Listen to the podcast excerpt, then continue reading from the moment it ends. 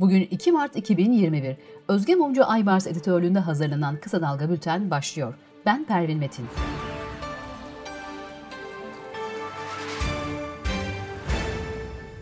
Cumhurbaşkanı Recep Tayyip Erdoğan kabine toplantısı sonrasında koronavirüs salgını için yeni kontrollü normalleşme sürecinde alınacak önlemleri açıkladı. İstanbul ve İzmir yüksek riskli iller arasında olurken Ankara orta riskli iller arasında kaldı. Buna göre hafta sonu sokağa çıkma kısıtlaması düşük ve orta riskli illerde tamamen kalkarken yüksek ve çok yüksek riskli illerde bir müddet daha pazar günü devam edecek.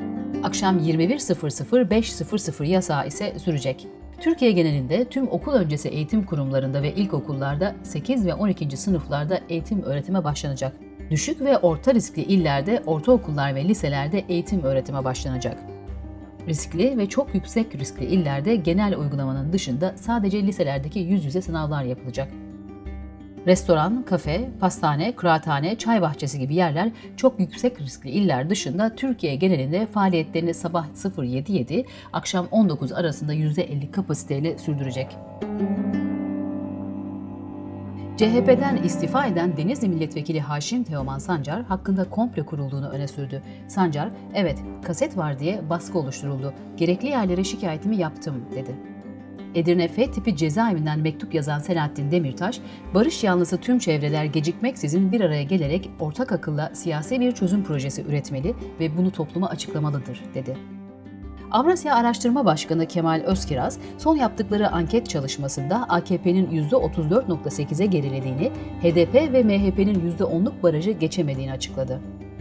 Avrupa'nın ünlü haftalık haber dergilerinden Der Spiegel yeni sayısında Halkbank davasıyla ilgili habere yer verdi. Halkbank davasının uluslararası bir ekonomik polisiye olduğuna dikkat çekilen haberde bu davanın Erdoğan'ı çok olumsuz etkileyebileceği hatırlatıldı.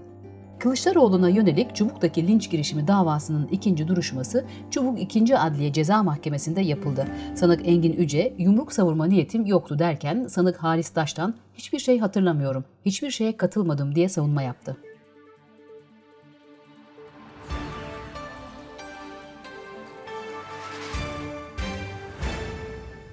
Müjdat Gezen ve Metin Akpınar'ın bir televizyon programındaki söylemleri nedeniyle Cumhurbaşkanı'na alenen hakaret suçundan yargılandığı davada beraat kararı verildi.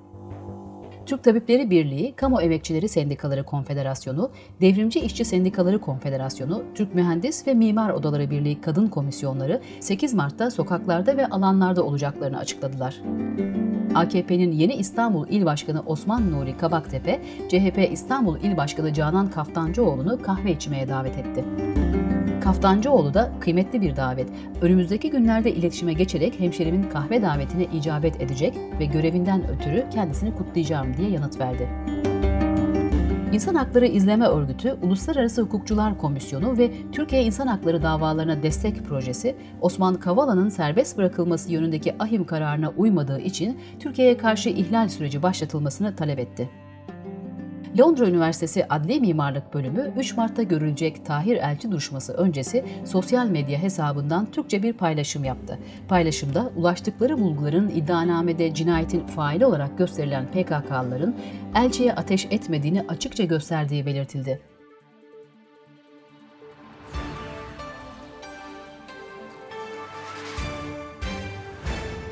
Boğaziçi Üniversitesi Sosyal Bilimler Enstitüsü Müdürlüğü'nün başına Melih Bulu'nun rektör yardımcılığı görevini kabul eden fizik bölümünden Naci İnci atandı.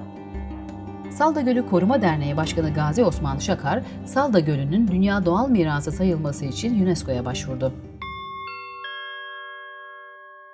Ekonomi haberlerine devam ediyoruz. Doğalgaza Ocak ve Şubat zamlarının ardından Mart ayı içinde %1'lik zam geldi. Türkiye Ziraat Odaları Birliği rakamlarına göre Şubat ayında marketteki 42 üründen 29'unun fiyatı arttı. Türkiye ekonomisi 2020 yılını %1.8'lik büyümeyle tamamladı. Beklenti %2.2 idi. İktidarın içki tüketimini engellemek için artırdığı ÖTV nedeniyle toplam içki tüketimi yaklaşık 20 milyon litre azaldı. Son yıllarda tüketimi en çok azalan içki ise rakı oldu. Bankalarca kullandırılan kredilerde ticari müşteri kredi kullandırım ücreti sınırı kredinin %1'inden %1.1'ine çıkarıldı. Ve Covid-19 gelişmeleri. Türk Tabipleri Birliği sahadan mutant virüs oranlarında ciddi bir artış olduğu bilgileri gelmektedir. Sağlık Bakanlığı güncel tüm verileri açıklamalı açıklamasını yaptı. Geçtiğimiz hafta içi ve hafta sonu sokağa çıkma kısıtlamalarını ihlal eden 39.604 kişiye adli ve idari işlem uygulandı.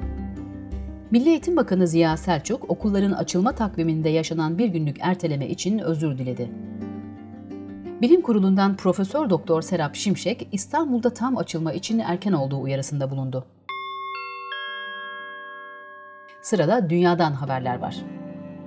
ABD'nin eski başkanı Donald Trump, 2024 seçimlerinde yeniden aday olabileceği mesajı vererek Temsilciler Meclisi'ni geri alacağız, Senatoyu geri kazanacağız dedi.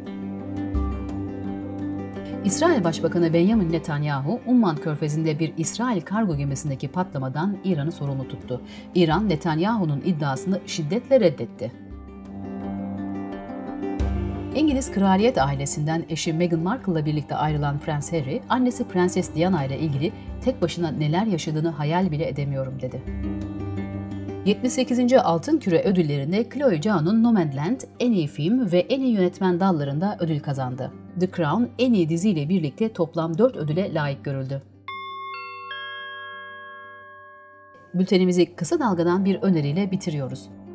Hükümetin yılbaşından sonra çıkacağını söylediği hayvan hakları yasasından hala ses yok.